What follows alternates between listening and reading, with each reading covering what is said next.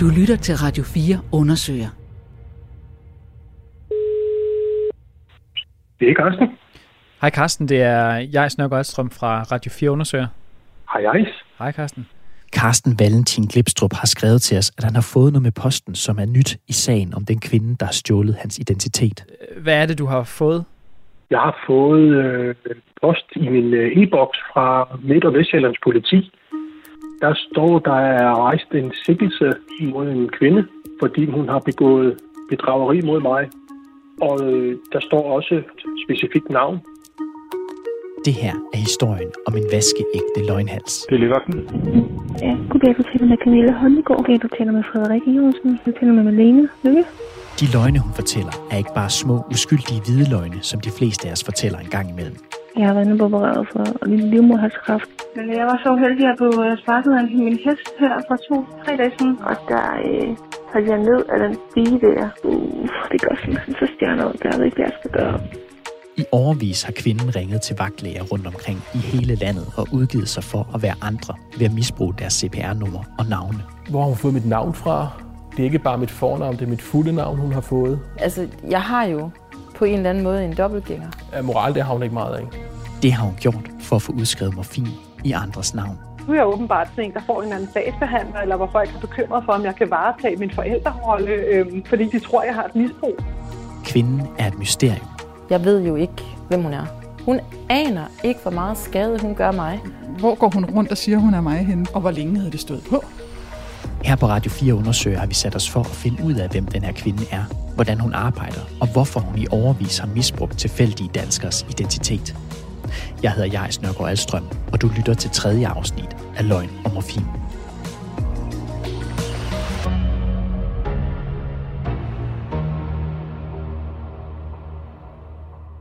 Identitetstyven har sat spor i mange menneskers liv med sin svindel med CPR-nummer. Vi er ved at have opbygget et signalement af hende. Jeg kan se øh, omridset af en kvindekrop, som ser ud til at være en... Kraftigere bygning. Ja, kraft, kraftig, som sådan en kraftigere bygning. Sådan noget som ribben går igen på de her optagelser, og sådan noget som medicin.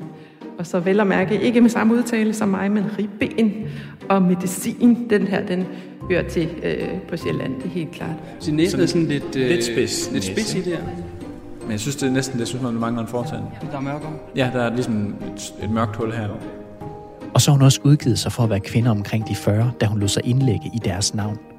Så sandsynligvis er hun i den her aldersgruppe. Og vi ved nu også, at politiet har rejst en sigtelse mod hende. Vi kan se, at hun har udgivet sig for at være i hvert fald 41 forskellige personer, når hun har ringet til lægevagter i hele landet. Hver gang fisker hun efter at få recepter på morfinpræparater. Oh, og oh, hvad fanden er der står? Oxycodone, Ja, oxycodone, ja. Hvad i alverden? Ja, det ved jeg Er godt, det hvad for et langt navn? Og de mange opkald er også resulteret i, at der er blevet udskrevet mange piller. Hun har fået udskrevet mindst 6.000 morfinpiller af forskellige slags og mærker. Og de her piller, det er nogle, man kan blive virkelig afhængig af. Morfin giver en hurtig, behagelig, smertestillende virkning. Det her er speciallæge i psykiatri Henrik Grindum. Han har i omkring 30 år beskæftiget sig med og interesseret sig for rusmidler i alle afarter, og hvordan de påvirker os. Jeg startede med at interessere mig for alkohol, og hvad alkohol gør op i hjernen ved folk. Og så har jeg jo i sygehusvæsenet været præsenteret for rigtig mange, der er blevet afhængige af den medicin, vi giver dem. Det kan være morfinpræparaterne. Der er flere præparater, vi giver, som man kan udvikle afhængighed af. Morfinpræparater, eller opioider, som de også bliver kaldt, bliver brugt til at smertedække patienter. For eksempel efter en operation, eller når man er kronisk syg eller døende. Men de er så også stærkt vanedannende. Præparaterne Oxycodon og Oxycontin, som kvinden ofte går efter at få udskrevet, er særligt potente, og det har givet kæmpe problemer i USA. Mange læger gik over til at bruge det som det primære smertestillende præparat, og det førte så til, at øh, en del mennesker blev, og ikke helt så få, blev afhængige af det. Since 1999, the rate of overdose deaths in America has increased 250%. So many people out here are living with their addictions and are openly injecting and smoking drugs out on the streets. Deaths from drug overdoses in this country have set a new record. It looks like genocide. That's what it looks like. The number of Americans who fatally overdosed over the course of one year surpassed 100,000. I USA er der tale om en decideret misbrugsepidemi, som har kostet 100.000 vis af liv, og som den tidligere amerikanske præsident Donald Trump i 2017 kaldte for en national nødsituation for folkesundheden. This epidemic is a national health emergency. Når så mange mennesker bliver afhængige af morfin, skyldes det, at morfin aktiverer vores belønningscenter i hjernen. Når vi tager den, bliver der afgivet et stof, der hedder dopamin, og det giver os et psykisk velvære. Og det er en sådan grad, at man i nogle tilfælde hellere vil tage morfin, end at spise og dyrke sex, altså nogle af menneskets dybeste drifter og behov. Og derfor er folk villige til at gøre alt for at skaffe det, når de først er afhængige. Man vil gøre hvad som helst. Hvad som helst for at få fat i det. Vi ser jo en uhyggelig form for kriminalitet inden for hele det, det her marked. Der er sindssygt mange penge i det, fordi folk, som er afhængige, de vil betale hvad som helst. De er klar til at snyde deres bedstemor, deres forældre, de vil gøre hvad som helst, fordi kræfterne i belønningscentret er så stærke. Så den her medicin kan man altså blive ret afhængig af. Og for os at se, står vi med to muligheder. Enten er vores svindler selv afhængig, eller så udnytter hun opioidernes vanedannende effekter til at tjene penge ved at sælge dem til danskere, der er råd ind i en afhængighed. For der er et sort marked for dem. Også i Danmark. Misbrugsproblemet herhjemme er ganske vist ikke så stort som i USA, men den seneste opgørelse fra Sundhedsdatastyrelsen viser, at over 100.000 danskere har et problematisk forbrug af oxycodon og oxycontin. Og det, at der er folk, der bliver afhængige af de her stoffer, det får svindlerens ofre at føle. En af dem er Frederik Jonsen fra Aalborg. Hende, som du har mødt i tidligere afsnit. Hun er flere gange udsat for, at hendes identitet bliver misbrugt til, at svindleren kan få fat på den vanedannende medicin. Goddag, det taler med Frederikke Jonsen. Ja, fra Aalborg. Ja, Ja. jeg er lidt langt hjemmefra. Noget tid efter hun opdager, at hendes CPR-nummer bliver misbrugt, er hun på vej hjem fra en venindes fødselsdag på cykel. På cykelturen rammer hun en kantsten uheldigt. Så, øh, så styrter jeg over styret og knaller hovedet ned i en kantsten. Så Frederikke tager ind forbi lægevagten. Hun har blå mærker i hovedet, og hun fortæller, at hun er væltet på sin cykel. Men vagtlægen har en anden vurdering. Han sidder på en kontorstol, og så den kører han så tilbage og drejer sig ind imod sit skrivebord. Og så kigger han direkte på mig og siger, jeg er nødt til at sige, jeg tror simpelthen ikke på, at du er væltet på din cykel. Du ligner simpelthen en, der har fået et lavtæsk, for at sige det lige ud. Er du sikker på, at du ikke har været udsat for vold? Jeg går helt i baglås. Altså jeg går sådan lidt i panik. Jeg har ikke oplevet, at en læge ikke tror på mig. Nej, siger jeg så, det har jeg da ikke. Og så slår han op i journalen og siger, ja, jeg kan også øh, se, at der, øh, der er et morfinmisbrug. Siger, nej, nej, nej, det er ID-tyveri. Frederikke har ellers fået skrevet en advarsel ind i sine sundhedsoplysninger om, at hun er blevet misbrugt til at skaffe morfin. Men lægen læser det altså på en anden måde. Og så siger han til mig, er du sikker på, at du ikke bare har sejlet rundt i byen? Altså simpelthen sejlet påvirket rundt, og så har du ikke anet, hvad du har foretaget dig, og så har du simpelthen fået et lavtæsk. I situationen føler jeg mig jo stemplet. Ja, undskyld mit franske, men shit, nu tror de, det er mig, der er misbruger. Altså, det er jo farligt. Jeg risikerer fejlbehandling, alt muligt, og fejlvurdering. Jeg er jo lige pludselig stemplet i sundhedsvæsenet. Det var så uværdigt og grænseoverskridende. Frederikke forlader lægen i en fart, og efter den oplevelse tør hun ikke længere tage til en læge, der ikke kender hende på forhånd. Fordi nu, nu er det gået op for mig, at det her, det er rent faktisk, altså Houston, we have a problem, for jeg ejer faktisk ikke mit eget sundhedsliv. Så Frederikke bliver altså ikke taget alvorligt af sin læge, og hun går rundt med en følelse af ubehag over at have fået stjålet sin identitet. Jeg ved jo ikke, hvem hun er. Altså, det kan jo være, hun kan være et desperat menneske, som er ude i et misbrug, og som er langt ude i noget, som hun i virkeligheden skulle have hjælp til. Det kan også være, at hun er et eller andet i den helt anden boldgade. Det kan være noget organiseret, det ved jeg jo ikke. Altså, hun kan være kriminel og, og skaffer det her morfin, og så sælger det videre, eller jeg aner det ikke. Jeg ved jo ikke, hvad hendes motiv er. Jeg ved heller ikke, hvordan hun overhovedet er kommet i besiddelse af mit CPR-nummer. De andre ofre, vi har talt med, har heller ingen anelse om, hvordan svindleren har skaffet deres CPR-nummer og navne. Vi tager Frederikkes undren med til Peter Kruse, der er ekspert i IT-sikkerhed. Min kollega Allan Christiansen besøger ham for at finde ud af, om kvinden kan have skaffet CPR-numrene på internettet. Hvor er det mest sandsynligt, at den her svindler har fået fat i CPR-numrene? Det er muligt, at pågældende har siddet systematisk på, på Google og søgt på nogle bestemte søgeord, og på den måde løbende har høstet de her oplysninger. Det kunne også forklare, hvorfor der tale om mange forskellige mennesker i forskellige aldre, og som er geografisk spredt over hele landet. Hvad kræver det af, af IT-færdigheder at kunne, uh, kunne finde frem til personers CPR-nummer? Uh, ingen, der, det har længe været et problem på, uh, på, på internet, at, at CPR-nummer bliver spredt ved en fejl og, og bliver lækket ved en fejl. Og øh, for at man kan finde dem, så skal man kunne en lille smule Google-hacking, og der findes nogle, det man kalder sådan guides til, hvordan man laver Google-hacking, som beskriver i det mindst simple, så du bare copy-paster det ind, og så putter de øh, ting, du vil søge efter, putter det ind, og så får du det svar tilbage fra Google, som kan indeholde blandt andet CPR-nummer. Så det kræver ikke de store tekniske forudsætninger, faktisk ingen. Men hvor tit bliver vores CPR-nummer tilgængelige, utilsigtet?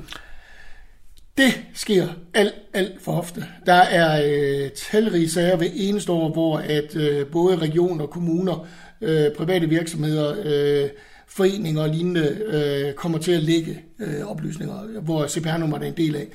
Og så længe det ligger der, så vil du kunne finde det på Google. Så det forsøger vi. Radio 4 undersøger har fået lov til at give Peter Kruse en række af offernes CPR-nummer, så han kan undersøge, om svindleren har fundet dem på nettet. Og det vender vi tilbage til.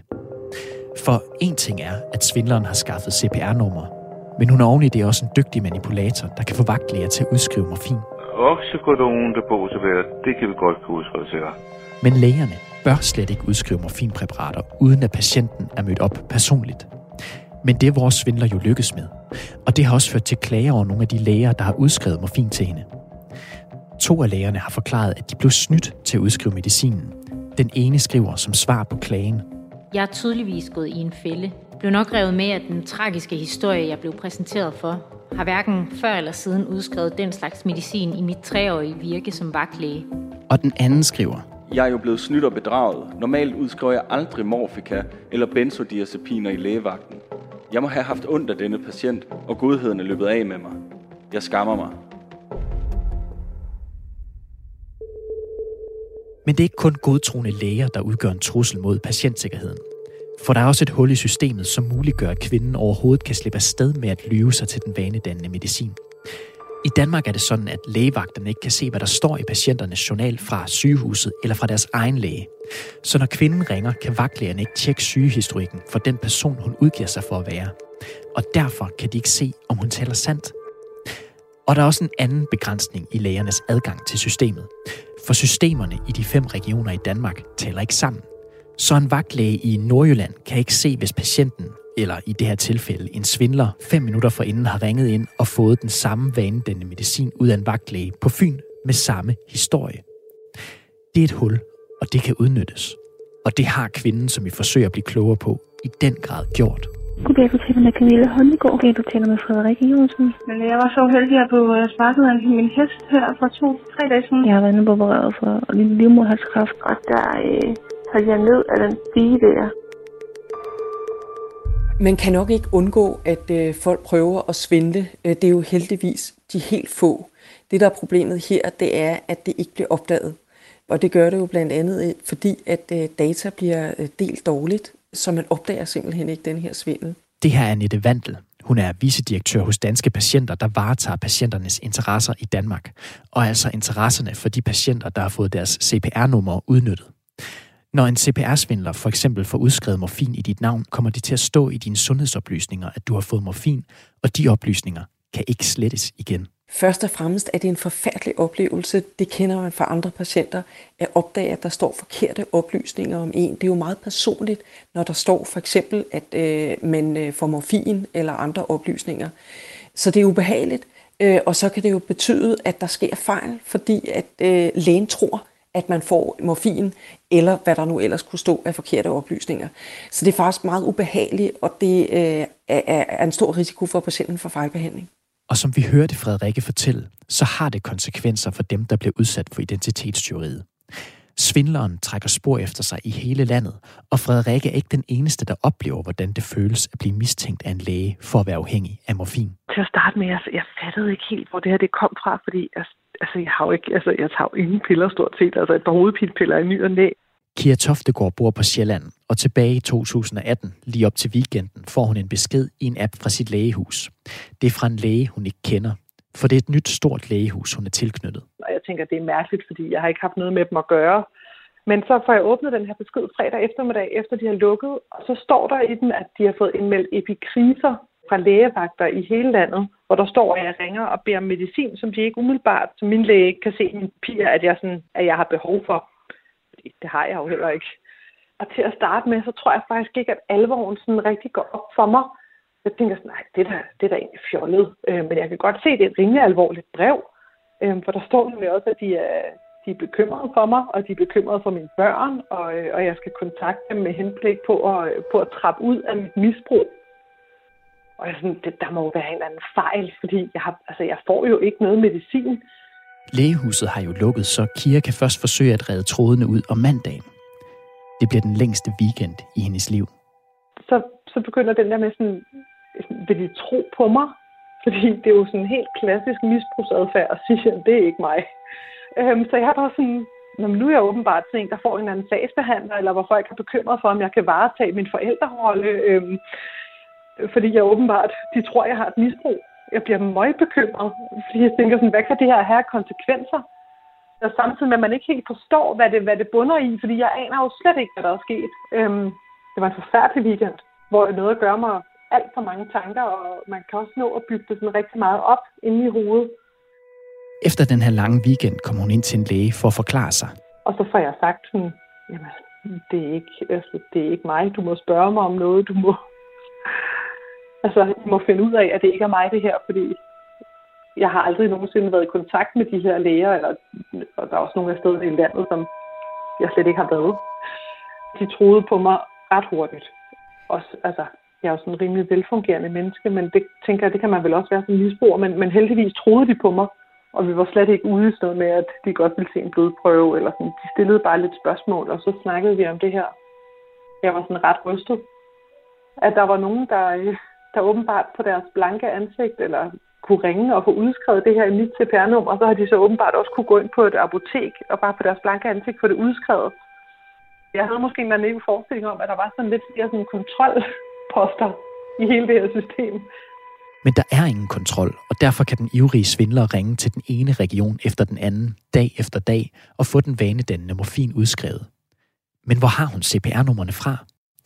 Vi skal tilbage til IT-sikkerhedseksperten Peter Kruse, som hjælper os med at se, om man kan finde offrenes CPR-numre på nettet. Jeg gjorde det, at jeg tog nogle af navnene, og så puttede dem ind i en konkret Google-search, hvor jeg også lavede sådan noget Google Hacks. Når man gør det, så er der faktisk god chance for, at man, man løber ind i, uh, i blandt andet PDF-dokumenter og andre dokumenttyper, som indeholder noget data, som bliver samlet op i Google og bliver en del af søgeresultatet. Lykkedes det dig at finde nogle af de her personers CPR-numre? Nej, og det er interessant, fordi det betyder, at øh, altså jeg kiggede ind i vores database, som, øh, hvor vi kan se øh, lækager for, øh, for de sidste 5-6 år. Og der er ikke nogen af de CPR-numre, som der var på den liste, eller de navne, som du gav mig på den liste, som ligger tilgængelige på Google på nuværende tidspunkt. Det har ikke været sagt, at de ikke kan være der, at de ikke kan have været der på et tidspunkt. Men, øh, men de er der i hvert fald ikke længere, de er blevet fjernet. Nå, det er jo gør det bare endnu mere interessant. Ja. Det lykkes altså ikke Peter Kruse at finde offrenes CPR-nummer ved hjælp af Google Hacks, og derfor hælder han til en anden teori om, hvordan svindleren har fået fat i dem. Jeg hælder mest til teorien om, at de oplysninger er blevet taget ud et sted, fordi der er så mange, der er også adresser og nogle andre ting, der, ikke, som gør, at jeg tænker, det her det har været noget, der har været arkiveret et sted, hvor en person har fået adgang til det på den ene eller på den anden måde. Det kan være gennem arbejde, hvis man nu sidder som medarbejder i et firma, og, og sidder og har adgang til sådan noget her, så er det jo meget nemt at, at hive det ud. Tag det med hjem på en USB for eksempel, øh, eller flytte over med e- via e-mail eller andet, og det, det ser vi desværre. Det kan også være, fordi at det er en fejl, der blev lægget på et tidspunkt, så blev den slettet fra Google igen. Peter Kruse vurderer altså, at CPR-numrene enten er blevet taget og videregivet af en person, som har haft adgang til dem gennem sit arbejde, eller at det skyldes en utilsigtet lækage fra nettet, som så siden er blevet slettet fra Google. Og det er altså gået ud over i hvert fald 41 personer, som har fået deres CPR-nummer misbrugt af kvinden. Og for Carsten Valentin Glipstrup, som du har mødt før, udvikler morfinsvindelen sig til en potentielt farlig situation for ham. Det sker to dage efter, han har politianmeldt CPR-misbruget. Her får han stærke mavesmerter. Lægevagten. Hej, jeg ringer på vegne af min mand, Karsten. Ja. Fordi han har meget ondt i sin øh, højre side. Og da hans daværende kone ringer til vagtlægen på vegne af Karsten, tror de først, at det er svindleren, der er på spil. Jeg skal lige spørge noget her. Øhm, har I kontaktet os med noget benbrud og sådan noget her de sidste par dage? Nej, det har vi ikke. Vi har faktisk lige lavet en politianmeldelse. Ja. For som du måske husker, så har identitetstyven i løbet af en måneds tid 34 gange kontaktet lægevagten og udgivet sig for at være Carstens kone. Her har hun forsøgt at få smertestillende medicin på vegne af ham, fordi han er blevet syg eller er kommet til skade på alle mulige forskellige måder. Det er fordi min mand han har brækket benet. Han har sådan en Hoffmann-apparatur på venstre ben. Vi har behov for at komme til lægen, fordi han havde øh, problemer med, han havde fået sådan en forfærdelig udslæt. Min mand han har kræft i mavesækken, øh, og som har spredt sig til øh, tarmen. Og nu ringer hun så igen. Men denne gang er det hans rigtige kone, der ringer. Så nu falder jeg jo lige over de her. Det ligner noget, jeg kender fra nogle andre med. Så det Ja, kan jeg godt ja. se. Der er Jeg fik i hvert fald vide, at han både skulle have haft brækket ribben og brækket et ben i sidste uge, eller hvordan det var. Ja, det er jo meget overraskende at vide, ikke? Ja. Det er faktisk ret ubehageligt, vil jeg sige. Det det. Øhm, Det viser sig, at det er vagtlægechefen, de har i røret, og at hun er i gang med at indsamle alle de tilfælde, hvor den her svindler har kontaktet lægevagten i Region Sjælland, så hun kan overdrage det til politiet. Ved du hvad, må jeg godt også gå videre med det til, til, til politiet med det? Fordi så kan jeg kan hente lydfiler og sådan noget ud og sende til politiet. Jamen, det må du meget gerne. Ja. Meget gerne. Okay, jeg øh, går lige videre med det her, så vi kan få stoppet den dame der, ikke også? Øh, Det er en kæmpe sag. Godt. Nå, nu handler det om ondt i maven. Handler om ondt i maven og i højre side. Og højre side, siger du. Og hvor længe Ja. har det stået på? Siden i går, går morges eller sådan noget. Ja. Karsten kommer på hospitalet, og det viser sig, at han har akut blindtarmsbetændelse, og det bliver han opereret for. Men forviklingen fra CPR-svindelen får nu ifølge Karsten konsekvenser.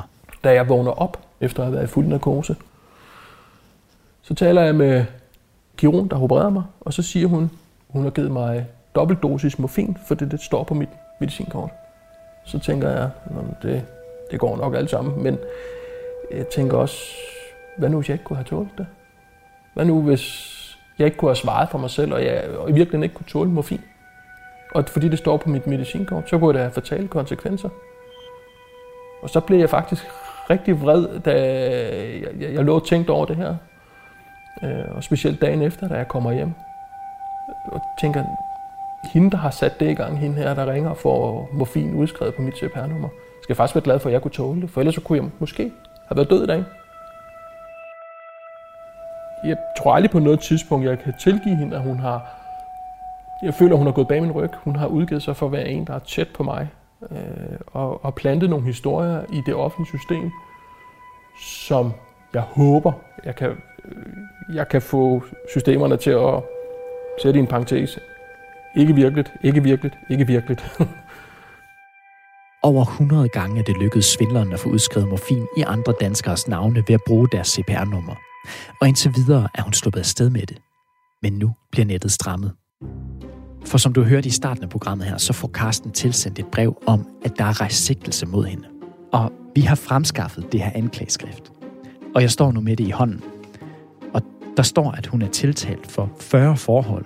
Og her øverst, der står hendes navn. Og jeg har nu fundet hendes profiler på sociale medier, og jeg kan se, hvordan hun ser ud. Ud fra billederne af hende, der kan jeg se, at det ser ud til, at hendes udseende det passer meget godt på det signalement, vi har bygget op. Hun er kraftigt bygget, har en lidt spids næse, og så har hun mellemblondt hår. Og hvis jeg lige tager anklageskriftet her igen, så her øverst på dokumentet, der står der også en adresse. Så nu kører vi ud til hende. Det er, nede, det, det er lige hernede, hun bor, ikke? Mm. Så nu er vi kommet så langt, at vi ved, hvor, hvor hun bor. Vi er tilbage ved det gule rækkehus i en lille by på det vestlige Sjælland. Her hvor vi startede historien tilbage i første afsnit. Jeg er virkelig spændt på, om hun vil tale med os. Så vi vil jo rigtig gerne vide, hvor hun har fået alle de her CPR-numre fra, ikke? Jo. Vi vil også Og hvor, rigtig vi vil rigtig gerne vide, hvorfor hun gør det her. Skal vi gå over og banke på? Skal vi ikke gøre det? Okay.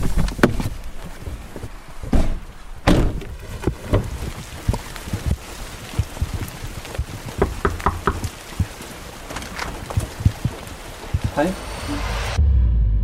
Hør med i næste afsnit, hvor vi konfronterer svindleren.